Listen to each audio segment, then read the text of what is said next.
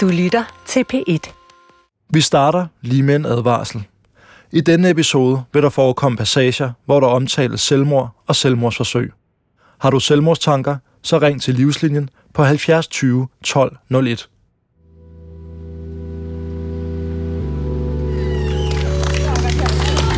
Everyone needs to hear your voices, and everyone needs to know your stories. And the message that I want to bring to our government is this It is never too late to say sorry.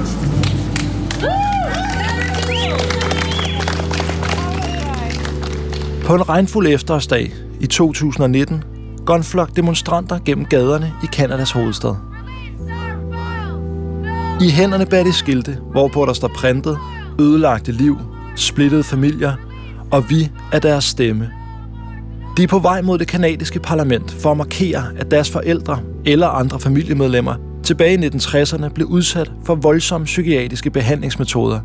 Blandt andet med LSD, medicinsk koma og omfattende elektroshocks. Hi, everybody. Good morning. Uh, it's really nice to see everybody here, and Lana and her group. Thank you so much for organizing this event today. En kvinde træder frem for at tale til forsamlingen. We are here today as the last generation who can bear witness Hun hedder Marion Reed. to the atrocities committed against our family members. Innocent victims who trusted in a medical and social system that failed them miserably. Marians historie starter, da hun er bare fem år. Her bliver hendes mor indlagt på det psykiatriske hospital, The Allen Memorial Institute i Montreal. Og da hendes mor kommer hjem et halvt år senere, har behandlingen ødelagt hende for altid. Den her historie har Marion Reed fortalt til kanadiske medier, og historien om hendes mor er langt fra enestående. Hundreds, if not thousands, over a period of more than 20 years, were used as human guinea pigs and tortured beyond belief. Wiping out their memories, the very essence of who they were, robbing their children of a parent, a spouse of a partner, a parent of a child, and altering the lives of countless family members. I Kanada er mange hundrede psykiatriske patienter blevet brugt som forsøgsdyr og udsat for tortur, mener Marion. Og det synspunkt deler mange af dem, der er mødt op her foran parlamentet. They tortured, experimented, and drove people mad. For deres forældre eller andre familiemedlemmer har alle sammen været i behandling hos en bestemt psykiater. Hans navn er Dr. Ewan Cameron.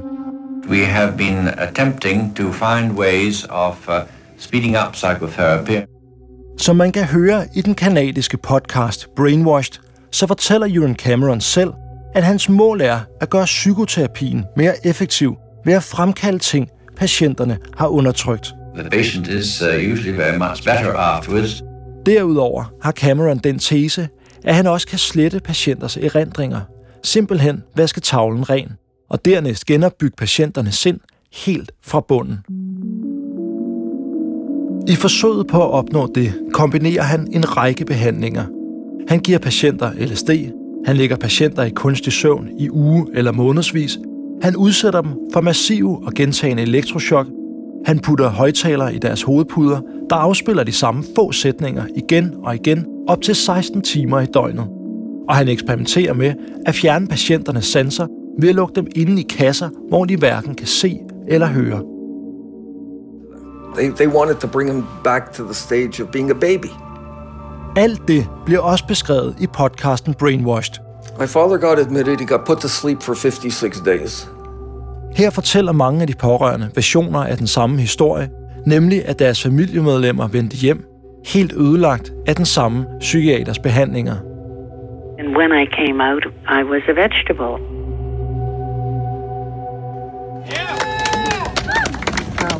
We are here today to begin the process of rewriting our collective history. We demand to know our history, not speculate. The experiments went on for over 20 years and affected generations. Tilbage foran parlamentet vil Marion Reed og de andre pårørende nu have den kanadiske regering til at tage ansvar og sige undskyld for den mishandling, de mener deres familiemedlemmer har været udsat for. We have not forgotten. All their lives mattered. Omfanget af de overgreb, som demonstranterne mener er blevet begået, er aldrig blevet undersøgt til bunds. Ligesom med LSD-behandlingerne her i Danmark.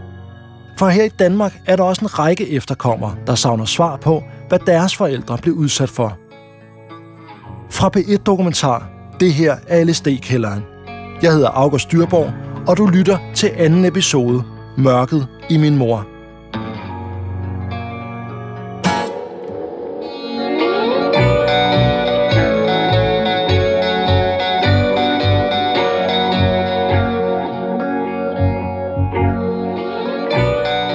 Den her podcast indeholder beretninger og faktuelle oplysninger, som er dokumenteret via tidsskrifter og retsdokumenter, samt journaler og erstatningssager hos Rigsarkivet.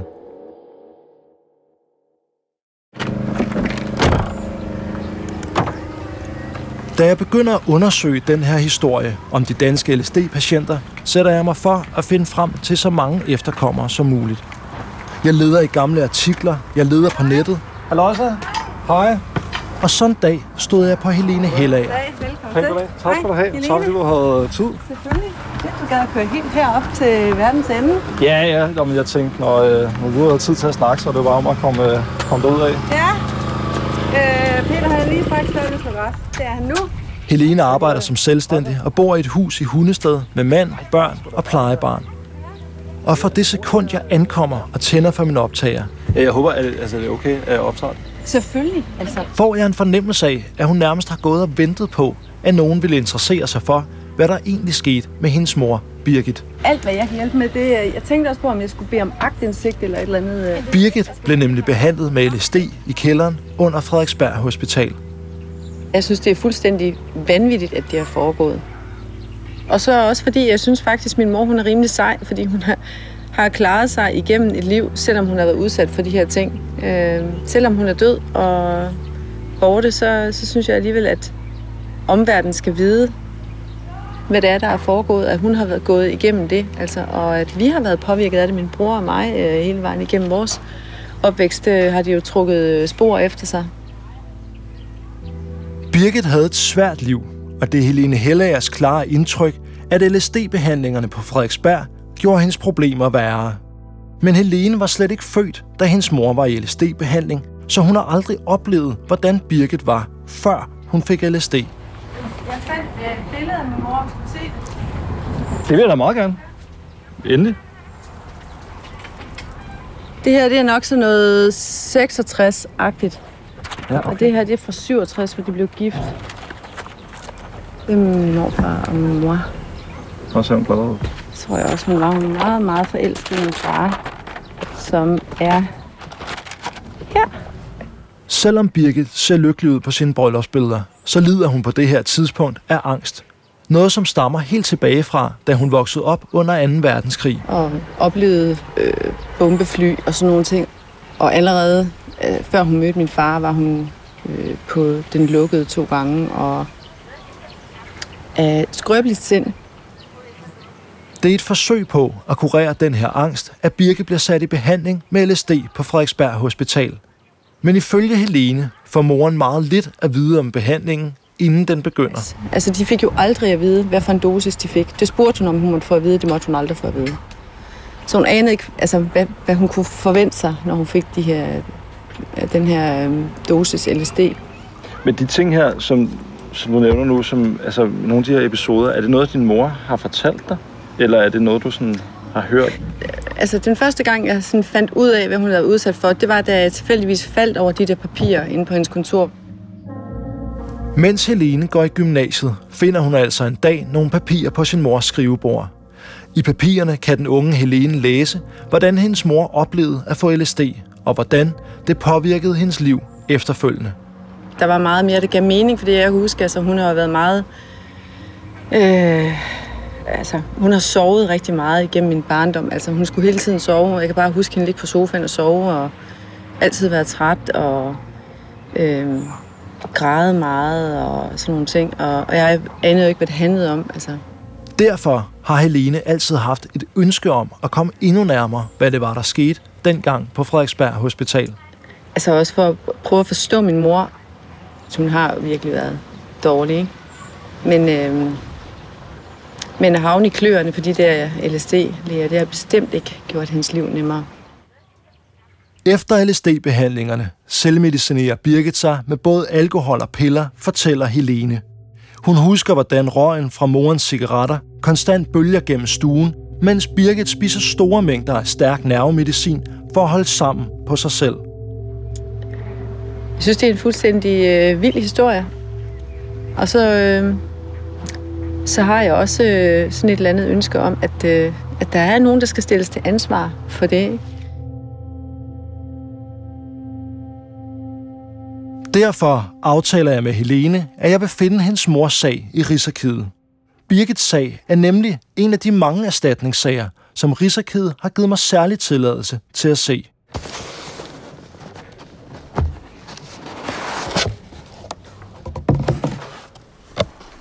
Jeg lige øh, rykket op på balkongen endnu en gang her. Nu har jeg lige taget, øh, jeg har simpelthen fundet Helenes mors sag. Altså, så er der hendes erstatningssag her. Og så står der, at hun har fået 50 procent i erstatning. Altså 125.000. Der står her, nu citerer jeg, og der blev ved afgørelsen lagt væk på, at der var en del forudbestående gener, at angsten blev forværret ved LSD-behandling, og at hun har levet et rimeligt socialt liv og fortsætter i arbejde. Men der er fandme mange interessante ting her. Beskriver selv, at hendes angst er blevet forstærket, nattesøvnen dårlig. Skrækken for at være sammen med andre er også blevet forværret. En udtalelse fra patientens egen læge skriver jeg, at der er hyppige henvendelser af konstationer, at langt symptomerne er forværret og relateret til LSD-behandlingerne i 1966.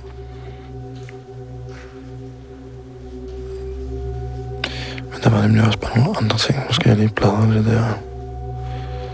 Øhm, fordi der er nemlig en masse ting, hun skriver selv. Behandlingerne foregik på denne måde. Klokken 8 om morgenen blev vi ført ned i nogle små rum i kælderen. Rummene så herrens ud, og møblementet bestod af en jernseng og et lille natbord. Alligevel synes jeg ikke, at det var rummene, der var det værste. Nej, skrækken for, hvordan sprøjten ville virke denne gang, var meget værre. Når sprøjten begyndte at virke, blev vægge, loft og gulv et farvekaos, og man blev skræmt fra videre sans.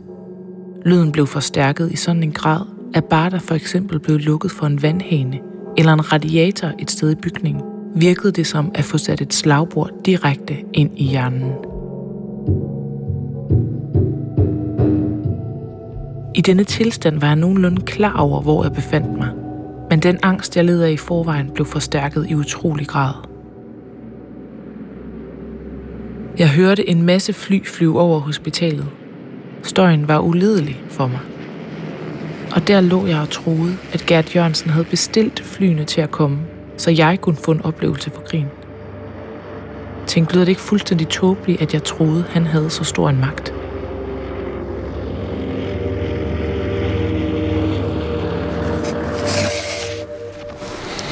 Det der faktisk var, da jeg sad og læste igennem før også var noget, var virkelig interessant. Det er, at der er et af brevene til LSD-erstatningsnævnet, hvor Helene er med. Der står nemlig her. I den forbindelse kan jeg ikke lade være med at tænke på min datters ord, at hun spurgte mig, om jeg kunne finde på at begå selvmord. Jeg forsikrede hende om, at jeg ikke ville begå selvmord. Det måtte hun overhovedet ikke spekulere på. At jeg mange gange har tænkt på at gøre det, er en anden sag.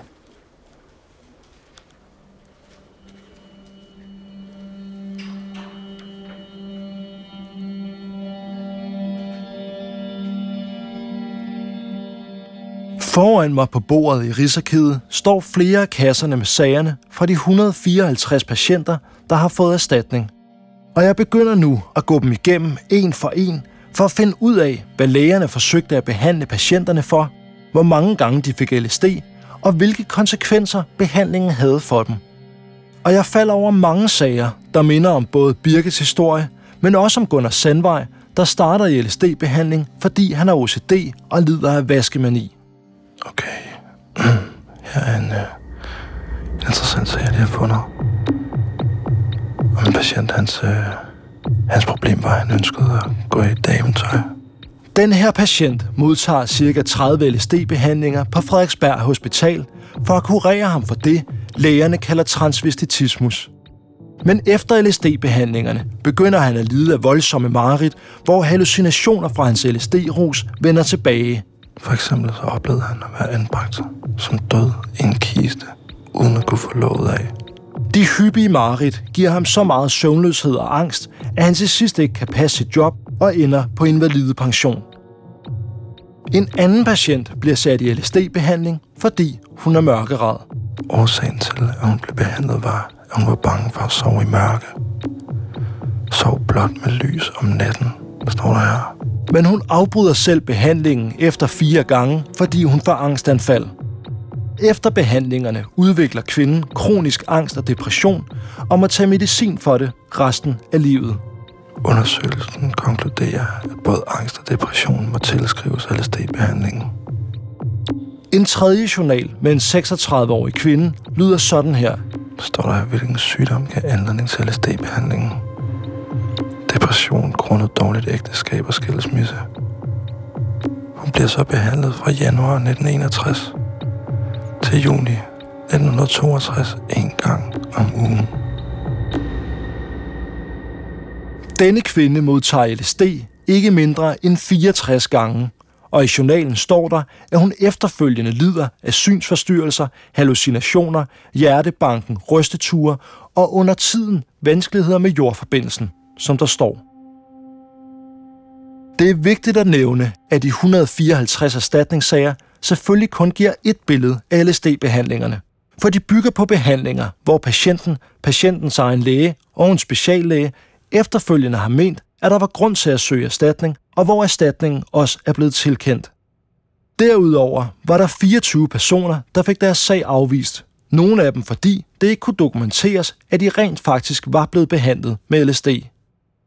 Der er dog en stor gruppe LSD-patienter, vi ikke ved noget om, for der var mange flere LSD-patienter end dem, der fik erstatning. Men det samlede omfang er aldrig blevet kortlagt, så deres historie kender vi ikke.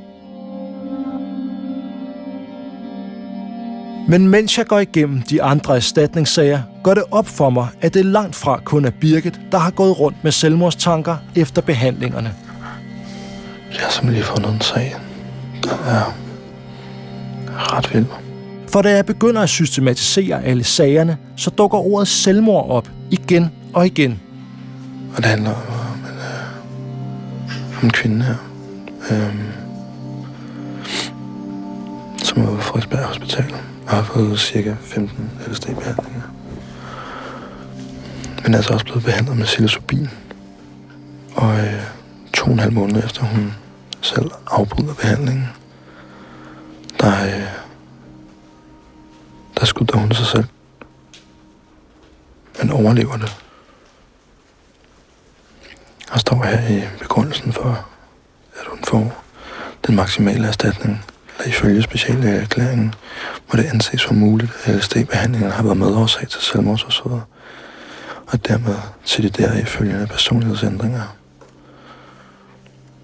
Jeg finder også en anden sag i kasserne. Den her patient lider i flere år efter af voldsomme angstanfald, hvor hun genoplever de samme hallucinationer, som hun havde under behandlingerne. I tilslutning til disse anfald har patienten haft alvorlige selvmordstanker, og hun har forsøgt selvmord i en sådan tilstand. I papirerne finder jeg også en tredje kvinde, der i forbindelse med, at hendes søn får epileptiske anfald, udvikler angst og uligevægtighed. Som behandling får hun LSD 18 gange. Og så går der i 10 år, hvor hun har det bedre, virker det som om. Og så får hun det rigtig skidt. Og kan ligesom ikke komme ud fra sit hus og er enormt angst. Men der skriver hendes egen læge altså. Det bør måske bemærkes, at patient var iblandt en gruppe på i alt fire patienter, som på den tid blev behandlet med LSD. De tre andre patienter har alle tre suicideret.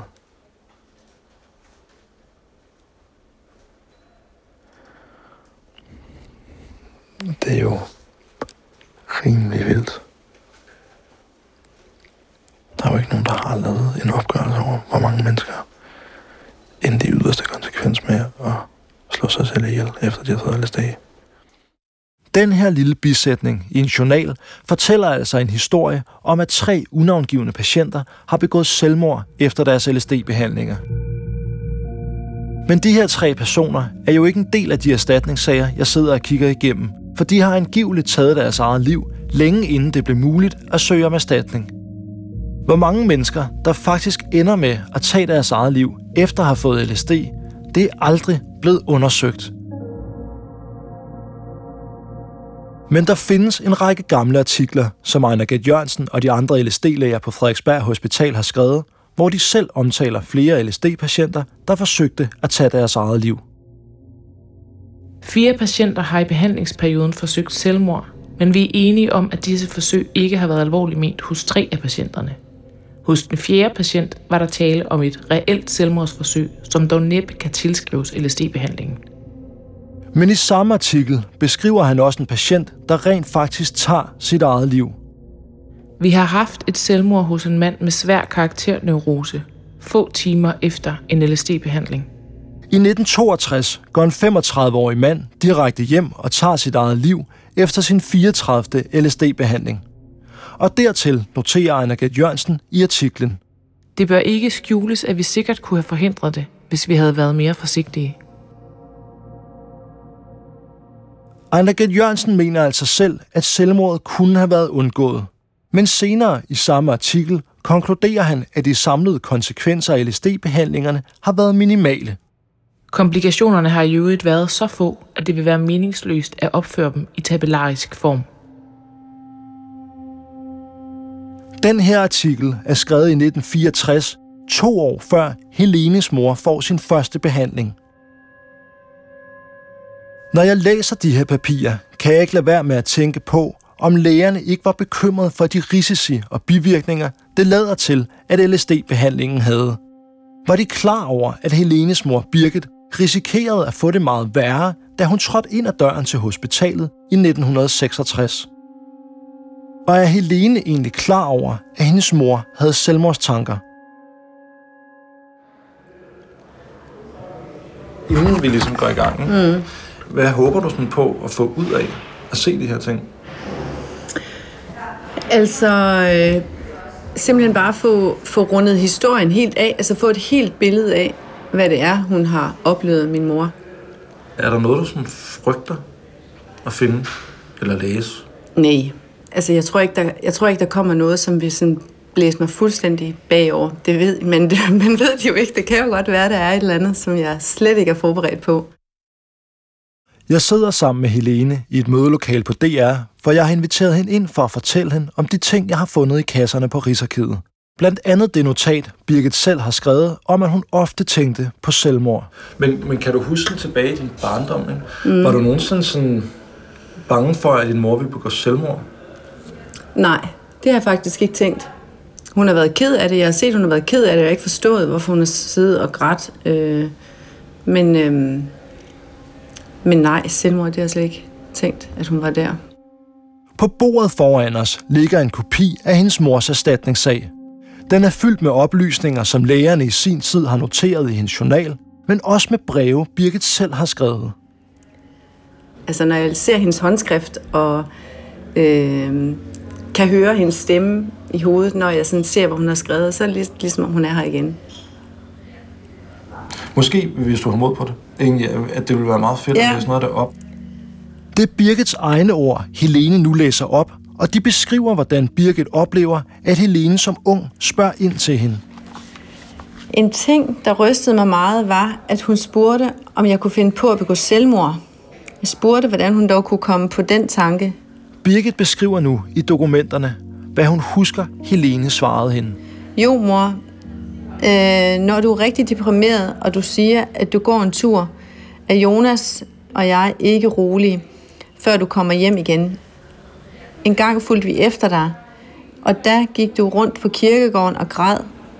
En anden gang gik du ned til fjorden. Vi gemte os i sivene og kiggede på dig. Øh, det så ud til, at du stod og spekulerede over, om du skulle gå derud. Jeg forsikrede hende om, at jeg ikke ville begå selvmord.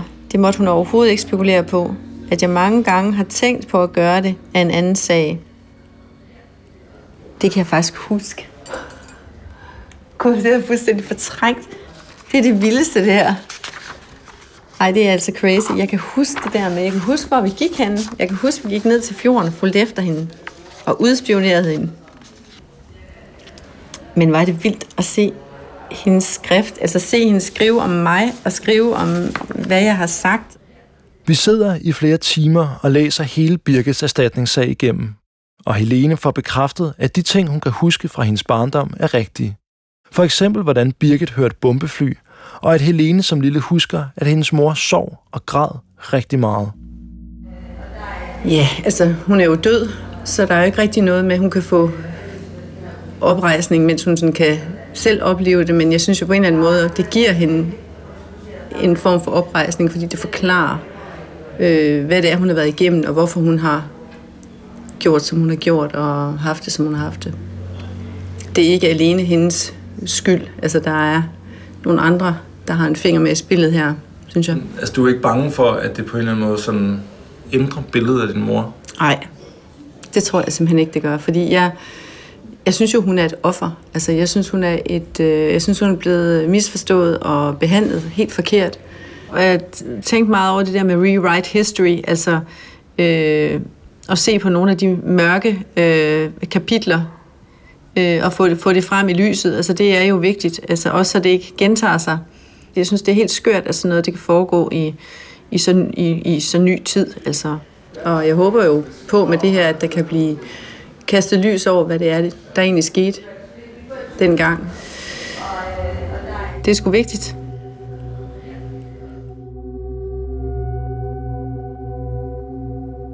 Da jeg taler med Helene første gang, nævner hun en ting, der har undret mig. Der kom også nogen og så til dem undervejs, og der kom blandt andet også på et tidspunkt nogen, der talte engelsk. Nemlig at Birgit på et tidspunkt fik gæster midt i en LSD-behandling. Og netop det skriver Birgit faktisk om i erstatningssagen at Ejner Gert Jørgensen kommer ind i rummet med to engelsktalende herrer, mens hun ligger i sengen og har fået LSD. Jeg græd, følte ydmygende at blive beskuet i denne situation. Jeg spurgte Gert Jørgensen, om han ikke kunne stoppe det. Så sagde han på engelsk, hun er ved at få en oplevelse. Jeg prøvede med råb at stoppe ham, men han gik hurtigt videre med sine gæster. Men Helene tilføjer noget til historien, der ikke står i Birkes journal. Som hun så mener må have været nogle CIA-folk, som var at se til deres eksperiment. Ifølge Helene har hendes mor altså fortalt, at hun mente, der var personer fra CIA på hospitalet, mens hun fik LSD. Men intet sted i Birkes journal står der noget som helst om CIA. Det får mig til at tænke på demonstrationerne i Kanada og den række af eksperimenter, der fandt sted på The Allen Memorial Institute. And when I came out, I was a vegetable. For Dr. Camerons forsøg var nemlig medfinansieret af den amerikanske efterretningstjeneste CIA. The CIA wanted to understand more about brainwashing, and that's what led it here to the Allen Memorial Institute. Og man skal ikke dykke særlig langt ned i LSD-historien, før at CIA dukker op over det hele. Fra begyndelsen af 50'erne pumpede CIA millioner af dollar i en intens udforskning af LSD. Men spørgsmålet er, om CIA også har haft noget at gøre med LSD-behandlingerne i Danmark.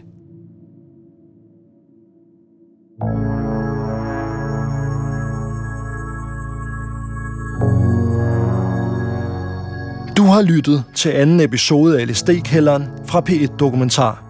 Fortællingerne og scenerne i den her podcast er dokumenteret via retsdokumenter og tidsskrifter, samt journaler og erstatningssager fra Rigsarkivet. P1 Dokumentar har forelagt fakta og kritik, der fremgår af den her podcast fra Region Hovedstadens Psykiatri. De svarer, at de ikke kan kommentere på de gamle forsøg tilbage fra 60'erne og 70'erne, fordi der ingen er tilbage fra den gang, og psykiatrien var struktureret på en helt anden måde end i dag. Derfor mener de, at det er svært for dem at sige noget meningsfuldt omkring sagen. Vi har også forelagt den kritik, som familiemedlemmer til Dr. Camerons patienter rejser over for de kanadiske myndigheder. Det kanadiske justitsministerium svarer, at den kanadiske stat tilbage i 1986 fik lavet en uafhængig undersøgelse af Dr. Camerons forsøg og behandlinger, som konkluderede, at de ikke havde noget juridisk eller moralsk ansvar i sagen. Alligevel valgte den kanadiske stat efterfølgende at udbetale erstatninger til nogle af Dr. Camerons tidligere patienter. I alt blev der givet kompensation til 77 personer. Tak fordi du lytter med.